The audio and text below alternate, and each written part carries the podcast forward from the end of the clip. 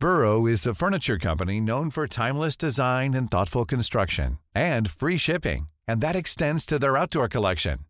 Their outdoor furniture is built to withstand the elements, featuring rust-proof stainless steel hardware, weather-ready teak, and quick-dry foam cushions. For Memorial Day, get 15% off your Burrow purchase at burrow.com slash ACAST and up to 25% off outdoor. That's up to 25% off outdoor furniture at burrow.com slash ACAST. Millions of people have lost weight with personalized plans from Noom, like Evan, who can't stand salads and still lost 50 pounds. Salads, generally, for most people, are the easy button, right? For me, that wasn't an option. I never really was a salad guy. That's just not who I am. But Noom worked for me. Get your personalized plan today at Noom.com. Real Noom user compensated to provide their story. In four weeks, the typical Noom user can expect to lose one to two pounds per week. Individual results may vary. Hiring for your small business? If you're not looking for professionals on LinkedIn, you're looking in the wrong place. That's like looking for your car keys in a fish tank. LinkedIn helps you hire professionals you can't find anywhere else, even those who aren't actively searching for a new job but might be open to the perfect role. In a given month, over 70% of LinkedIn users don't even visit other leading job sites. So start looking in the right place. With LinkedIn, you can hire professionals like a professional. Post your free job on linkedin.com slash people today. Du presenteras nu för obekräftad information. I avsnittet får du höra om konspirationsteorier och varför vissa människor tror på dessa. Var därför kritisk till materialet som bygger på fiktion, åsikter och vinklad fakta. Podcasten kan inte ses som en trovärdig källa. So we climbed over the hill, and there we were, you know, facing this uh, situation, which was beyond any any any description. So this, this panel was actually checked four times. Lots of checks, yes. 522, do you read? Over.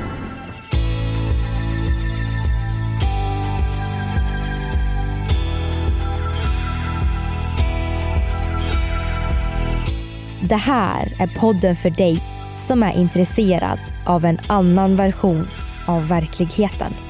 En version som tar upp alternativa teorier, mystiska sammanträffanden och diskussioner om vad som kan vara sant.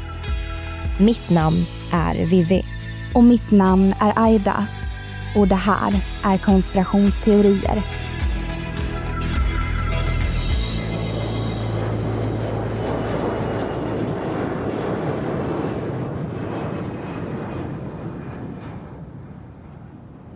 Hej allihopa! Välkomna till detta diskussionsavsnitt om Helios 522. Vi heter Vivi och Aida. Hallå, hallå. Och för att sammanfatta lite vart vi avslutade förra gången så fick ni då höra i förra avsnittet om vad som hände fram till olyckan. Och när stridspiloterna såg planet så såg de ju då två personer i cockpiten. Det här var då flygvärden Andreas och hans flickvän Harris. Det var ju nämligen så att planet hade varit i luften i nästan tre timmar och det hängde syrgasmasker ner i kabinen. Trots det så kunde stridspiloterna se att det fanns en person vid cockpiten som var vid medvetande som då försökte styra planet. Och det här var ju då flygvärden Andreas. Och frågan som man ställer sig är ju då hur han kunde hålla sig vid medvetande så pass länge när alla andra var medvetslösa. Det här är då en fruktansvärd historia, men man tror i alla fall att Andreas klarade sig så pass länge då han var både stark och uthållig rent fysiskt. Dessutom så höll han även på att ta flyglektioner för att utbilda sig till pilot. Och förutom det så var han även dykare och tidigare soldat. Så hans träning kan alltså ha gjort att han klarade sig längre än alla andra. På planet så fanns det en extra syrgasmask för varje rad och det man tror är alltså att Andreas, möjligtvis med hjälp av flickvännen Harris, faktiskt försökte jobba sig framåt i cockpiten rad för rad. Och den här tekniken kallas då för monkey swinging och sägs alltså vara sjukt svårt. Men om det är sant eller inte har jag ingen aning om för det här är ju som sagt vad man tror att Andreas kan ha gjort. Trots att stridspiloterna bara såg Andreas i cockpiten några minuter innan katastrofen inträffade så tror utredarna att han faktiskt hade varit där inne tidigare i och med att man hittade andre pilotens DNA på en av syrgasmaskerna vilket då skulle kunna betyda att Andreas försökte få honom vid liv. För trots att Andreas hade pilotlicens så hade han inte licens för att flyga en Boeing 737. Så även om Andreas är en hjälte och försökt göra allt i den här hopplösa situationen så hade han inte tillräckligt med kunskap för att ha kontroll över planet i just det här läget. Så i och med att han inte hade den här kunskapen så förstår man ju att han försökte få andra piloten att vakna till. Strax innan katastrofen inträffade så gjorde faktiskt Andreas ett sista försök att få hjälp. Han försökte ropa mayday fem gånger och tyvärr så hörs det bara väldigt svagt. Vilket inte är så konstigt i och med att det inte fanns något syre kvar. Men då radiokommunikationen fortfarande var inställd på Larnaca och inte Aten så kom dessa nödrop inte fram. Så det var alltså en helt omöjlig situation och han gjorde verkligen allt för att rädda dem. Det tragiska av allt, förutom det här, är också att bland det sista som händer är att Andreas satte sig på kaptenens plats och jaktplanen som såg honom försökte ta kontakt över radion men det gick ju inte. Därefter så tog bränslet slut i vänster motor och det gjorde ju då att planet krängde kraftigt åt vänster och sjönk till cirka 5 till 6 000 meter i höjd. Och Andreas tittade då mot stridspiloterna i jaktplanen som försökte signalera att han skulle följa efter dem mot flygplatsen. Men Andreas, som visste att det var kört, svarade genom att peka neråt några gånger. Vilket var hans sätt att säga att det är kört. Jag kan inte göra något. Vi kommer att krascha. Alltså, och det är sån eh, sorglig historia. Och jag har typ också läst någonstans att de jaktplanen ser liksom inte honom precis innan katastrofen då. Så då så sägs det att han kanske gick och pussade flickvännen hej då, liksom, för de visste ju då att de skulle dö. Så man kan ju verkligen se att han var en hjälte i det här. Mm. Men med en hjälte så kommer alltid en bov. Så då kommer vi till frågan, vems fel kan det här ha varit?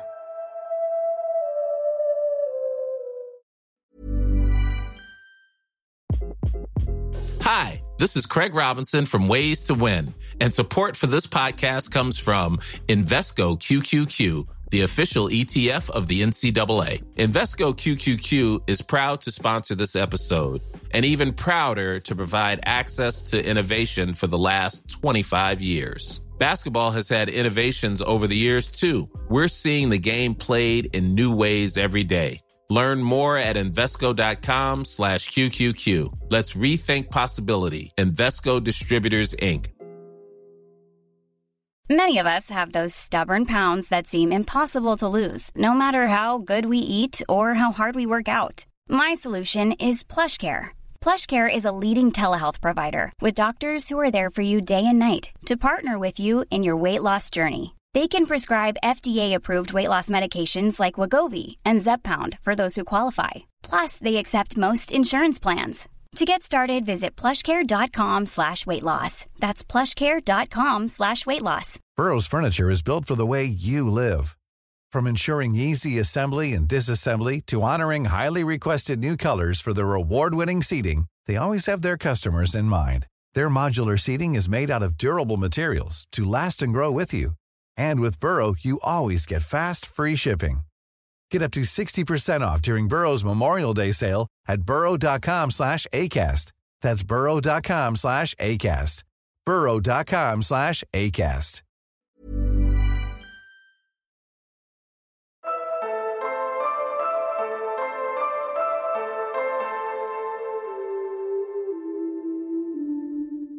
Det finns ju många som har liksom lagts skuld på Men vi kan ju börja prata om eh, mekanikern Alan Irwin, alltså han som eh, gjorde den här undersökningen av planet tidigare under morgonen.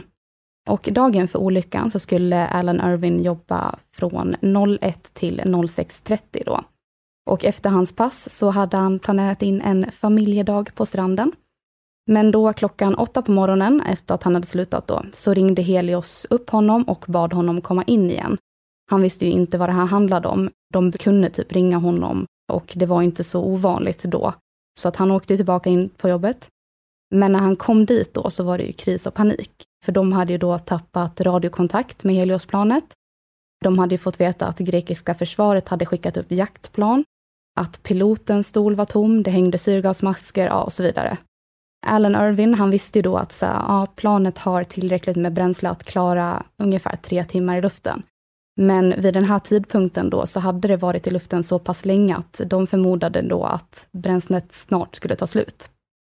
Så Alan Irvin skickades hem och sen sa de att de skulle ringa upp honom igen om de behövde något mer. Och sen fyra dagar efter katastrofen så blev han inkallad på ett polisförhör för en pratstund.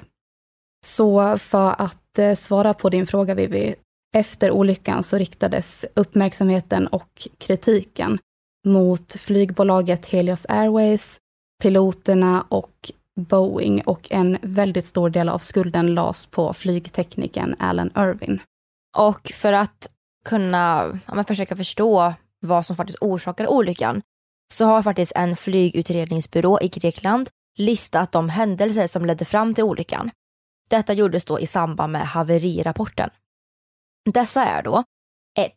Piloterna missade att knappen för tryckkabinen stod kvar i manuellt läge istället för auto.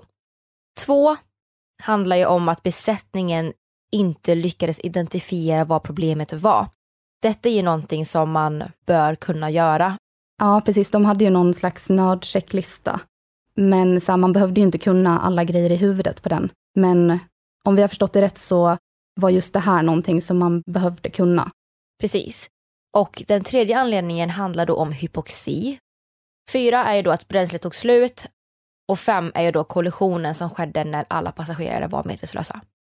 Och vad händer efter det här? Jo, rättegång. De anhöriga ville ju såklart få svar på hur och varför det här hade inträffat. Och år 2007 så drog faktiskt en rättslig process igång där de anhöriga stämde Boeing på 76 miljoner euro med anledning att Boeing hade haft samma larm till två olika saker. Ärendet avgjordes utanför domstolen och familjen fick ersättning. Hur mycket vet vi dock inte. Sen 2008 så stod Helios Airways och fyra av deras tjänstemän åtalade i Cypern.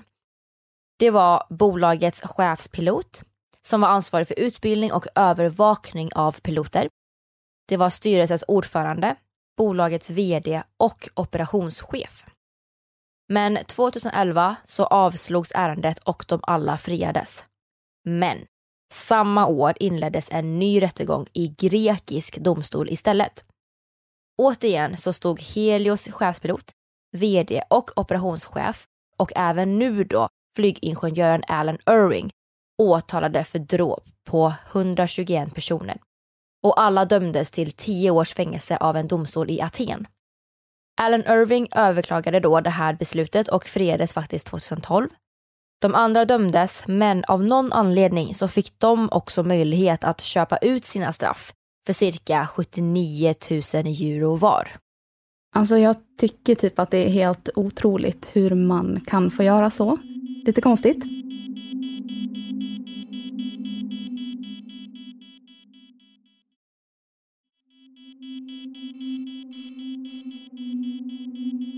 Men eh, vi kan ju faktiskt stanna upp här och prata lite mer om den här rättegången i Grekland.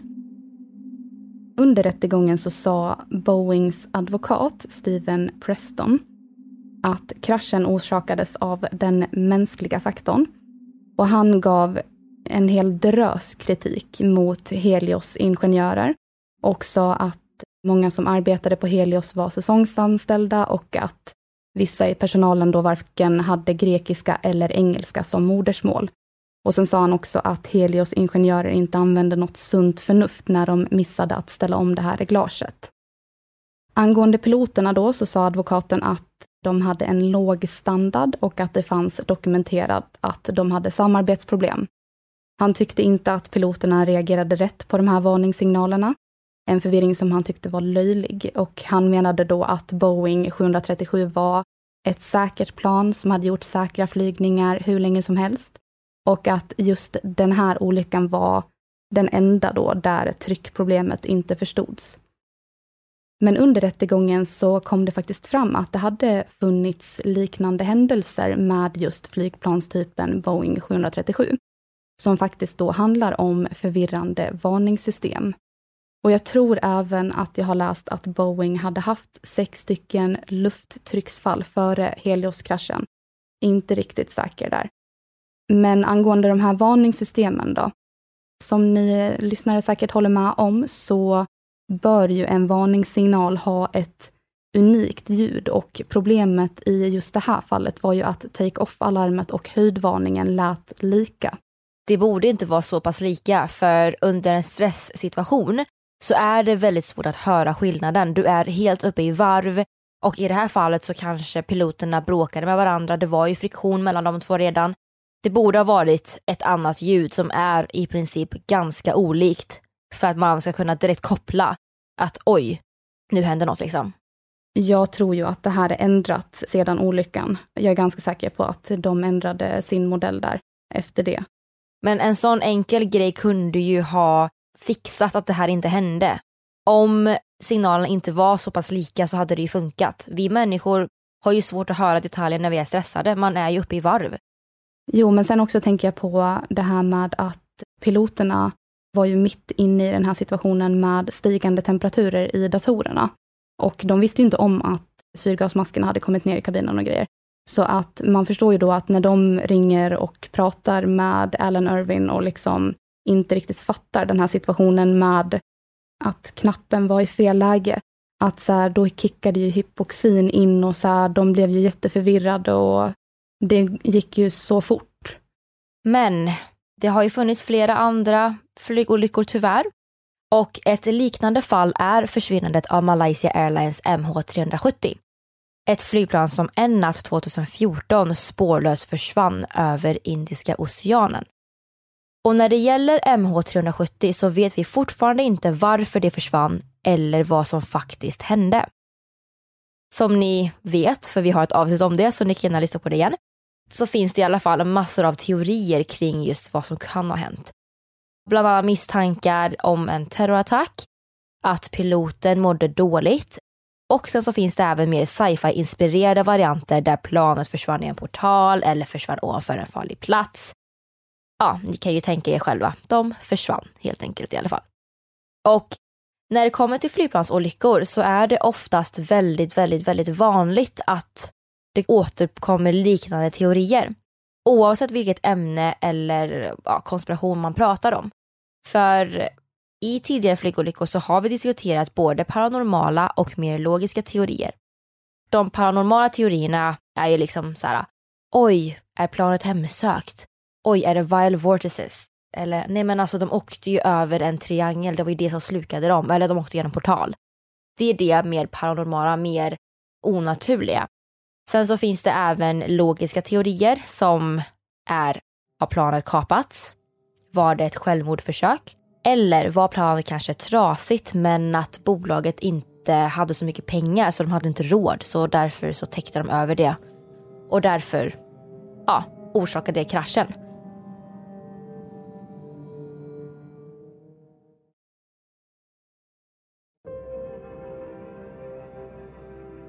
Ja, okej, okay. så vi kan ju börja diskutera de här teorierna då. Och eh, vi kan ju börja med en av de här eh, logiska teorierna, eller vad man ska kalla det. Och det var ju att till en början så övervägde man att det här handlade om en terrorattentat. Men den teorin förändrades ganska snabbt när jaktplanen såg att det befann sig någon i cockpiten som hade uniform på sig. Och det vet vi ju att det var flygvärden Andreas. Och då fattade man ju att nej, men det här handlar inte om terrorattack, utan det här handlar om någonting som har gått väldigt, väldigt snett. Men det finns ju såklart vissa som fortfarande är skeptiska och tror att planet kan ha varit kapat. Och framför allt eftersom att det här hände så nära in på 9-11. Det här var ju bara något år efter och alla var ju jättejätterädda att det skulle hända igen. Så jag vet inte riktigt om jag liksom kan tro att det kan vara terror, men om vi säger att det grekiska försvaret då övervägde att det handlade om en, handlade om en terrorattack, så kanske de bestämde sig då för att skjuta ner planet. Och då kanske det här med att typ bränslet tog slut bara är påhittat. Mm. En annan teori som också kommer tillbaka handlar ju då om någon av piloterna kanske mådde dåligt och faktiskt inte ville leva mer och därför valde att störta planet. Det här är som sagt en teori som återkommer väldigt ofta när det handlar om flygplan som kraschar helt enkelt. Precis, och det finns ju flera flygkatastrofer där man har misstänkt att piloterna kraschade medvetet. I det här fallet så vet jag typ att andra pilotens familj har kommenterat och sagt att de upplevde att han mådde bra. Att det var, det var ett misstag, det var inte någonting som han gjorde med flit. Men frågan är ju ändå om det kan hänt någonting i cockpiten som vi inte vet om. Vi hittade faktiskt en norsk tidningsartikel om den här olyckan. Och där så skriver de att enligt tidningen Cyprus Mail så var det känt då inom flygbolaget att andre piloten och piloten hade grälat och det här grälet ska då ha ägt rum ungefär två veckor innan olyckan. Med bakgrund då att andre piloten trodde att kaptenen lät sina privata problem då gå ut över arbetet. Och det här har ju eskalerat till rykten då om att de här hade samarbetsproblem och ja, men att andre piloten tyckte att kaptenen var hård och Ja, och då kan man faktiskt tänka sig att under stressens hetta så kan man ju då börja bråka när det redan är friktion i arbetsrelationen. Och om vi ska prata igenom de här signalerna då som lät likadant, då är det ju väldigt svårt att höra små, små skillnader i och med att man redan är i stundens hetta stressad, man är irriterad, man har panik i princip. Ja, och man skulle kanske då kunna tänka sig att ja, stressade, vet inte vad som händer, de börjar bråka och han, kaptenen då försvinner iväg. Precis, för kaptenen syntes inte till i cockpiten och hans kropp hittades faktiskt aldrig, enligt vissa källor i alla fall. Då kan man ställa sig frågan, vart tog han vägen? Lämnade han cockpiten? Ska man då gå in på de här paranormala teorierna och tänka lite så här, ja men tänk om de åkte igenom någon slags portal, råkade han bli kvar? Eller varför försvann just han? Nej, men jag är med på hur du menar, för att alltså när planet kraschade, alltså det är klart att kropparna blir så pass skadade och att kvarlevorna kanske bränns upp och så. Men i cockpiten så hittade man ju flygvärdarna, Andreas och Harris, och även andra piloten. Och det är ju lite märkligt där med att kaptenens kropp inte hittades. Då måste han ju kanske ha lämnat cockpiten då. För det fanns ju andra kroppar som var skadade. Det var tre kroppar som inte hittades. Och just att de fann de andra kropparna i cockpiten, men just inte hans. Det är just spännande bara för att det är kaptenens kropp. Liksom. Mm, nej men jag håller med. Jag håller med.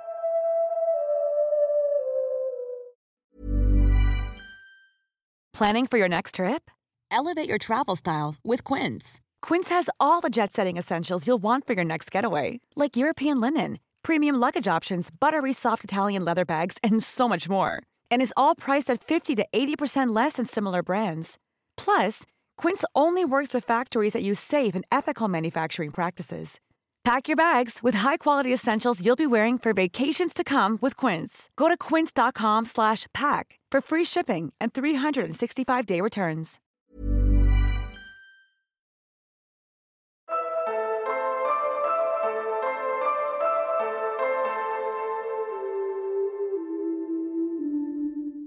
Förutom frågan kring vart tog kaptenen vägen så skulle jag säga att den mest intressanta frågan idag är kanske varför detta plan överhuvudtaget användes.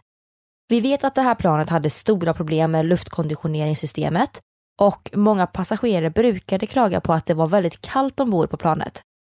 Och under tio veckor innan den här katastrofen ägde rum så reparerades eller inspekterades flygplanets miljökontrollsystem sju gånger. Då kan man ställa sig frågan, var det så att det här lågprisbolaget ville täcka upp för sig själva? Hade de inte råd? Eller varför låter man ett plan som behöver repareras sju gånger eller inspekteras så många gånger ens flyga? De hade ju liksom en rad olika plan i deras flotta, eller vad man säger. De kanske inte hade jättemånga av samma typ och de kanske då behövde en Boeing som ett bra säkert passagerarplan, men typ inte möjlighet att köpa ett nytt då. Men alltså, I mina öron så låter det här lite som att ja, men man försöker typ silvertejpa ihop någonting. Det är ju det här som leder till förödande situationer och hemskheter. När man är för snål. Alltså helt seriöst. Ja, precis.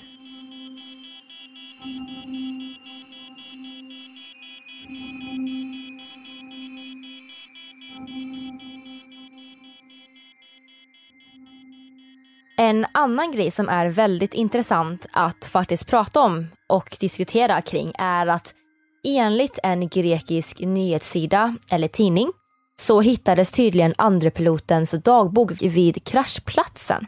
Familjen hade inte hittat den hemma, vilket förmodligen då var för att han hade med sig den på dagen då han skulle jobba.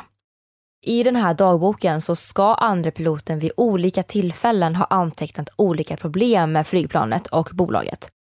Och enligt hans familjemedlemmar så hade han sagt att dagboken innehöll information som skulle kunna vara förödande för Helios och faktiskt skulle kunna få dem att lägga ner.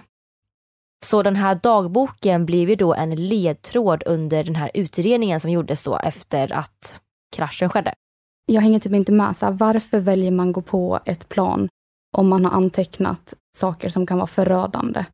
Och andra pilotens familjemedlemmar säger även i dokumentären att de är väldigt ledsna och besvikna över att ja, men han visste typ att det var så mycket dåligheter som var på planet liksom. Men att han gick på ändå och jobbade. Men då tänker jag så här, kan det vara att man har hög arbetsmoral? Att man inte känner att man kan säga nej? Eller så här, vad för anledning kan det vara? Skulle jag misstänka att mitt jobb kommer kunna få mig att dö, då hade jag nog faktiskt sagt att nej men jag känner mig inte säker för det här, det här, det här, det här. Och i värsta fall, ja antingen så får man ju sparken eller så får man bara byta pilot. Men jag hade ju verkligen varit så här, men jag känner mig inte säker. Det känns ju typ som att han bara kan börja jobba för någon annan då. I princip. Istället som har liksom ett säkert plan. Eller bara säga att jag vill inte flyga det här planet, jag kan flyga ert vad det nu finns, Airbus eller så här, vad de nu heter, de andra typerna av planen. Liksom. Nej, men jag känner väl spontant, ja det kanske var hög arbetsmoral, man vet mm. ju inte. Mm. Men en fundering kring just Helios är ju att det kallas även för spökplanet. Och det är ju egentligen bara för att det var helt tyst från planet i tre timmar och man fick inte kontakt med dem. Och det var ju för att det var syrebrist, alla var medvetslösa. Och sen så plötsligt så cirkulerade planet runt Aten, liksom runt hela tiden, vilket är jätte, jätte, jätteskumt. Så tänk dig stressen att liksom, du går runt i Aten och sen så ser du ett flygplan som cirkulerar runt dig i luften. Av ingen anledning överhuvudtaget. Ja, fy vad läskigt. Hela den här händelsen är sån tragisk historia. Men det var allt som vi hade att säga om Helios för den här gången. Och nu vill ju vi såklart veta vad ni har för teorier och vad ni tror kan ha hänt. Var det en konspiration eller var det bara mänskliga fel? Och om det var en konspiration, vad tror ni? Och om det inte var en konspiration, vad, varför tror ni inte att det var det? Ni får jättegärna skriva till oss på Instagram där vi heter konspirationsteorier eller på Facebook där vi också heter konspirationsteorier. För era åsikter och tankar är alltid så himla intressanta och det är jätteroligt att läsa. Och våra källor ligger också i ett Google kalkylark. Och den hittar ni lätt på Facebook. Så det är bara att gå in på Facebook och Instagram eller kolla i avsnittsbeskrivningen där ni lyssnar på podden. Och den här grekiska nyhetssidan eller tidningen som jag nämnde innan om att ja, men, det här dagboken och det. Den kommer vi också att länka i våra källor och även dokumentären som Aira pratade om där hon lyssnade på familjerna som pratade om att de var besvikna över att han gick på planet och sådär. Så det kommer att finnas i källorna. Men det här är då det sista ni kommer höra från oss nu i sommar. Om inte vi spontant bestämmer oss för något annat. Men annars så kommer vi att höras i höst. Ja, då är vi tillbaka med massa, massa nya teorier. Så glad sommar på er, gå ut och njut av vädret för er som vill och för er som inte vill, ja, stanna inne och lyssna på konspirationsteorier. Det kan ni göra. ja, gör det. Men eh, allt gott och vi hörs i höst. Det gör vi. Hej då! Hej då!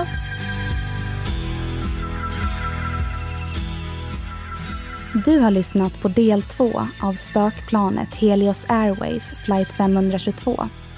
Avsnittet gjordes våren 2021 vi som har gjort programmet heter Vivian Lee och Aida Engvall tillsammans med redigerare Jenny Olli.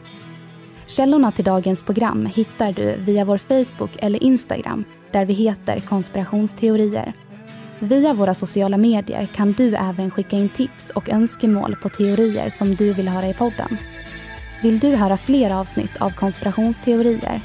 Besök din poddapp och lyssna på avsnitt som försvinnandet av Malaysia Airlines MH370 On social media, conspiracy theories about the missing plane are still going viral. Vad hände med Pan Am flight 103? Like most conspiracy theories, it's um, it's there's always elements of truth. Och mycket mer.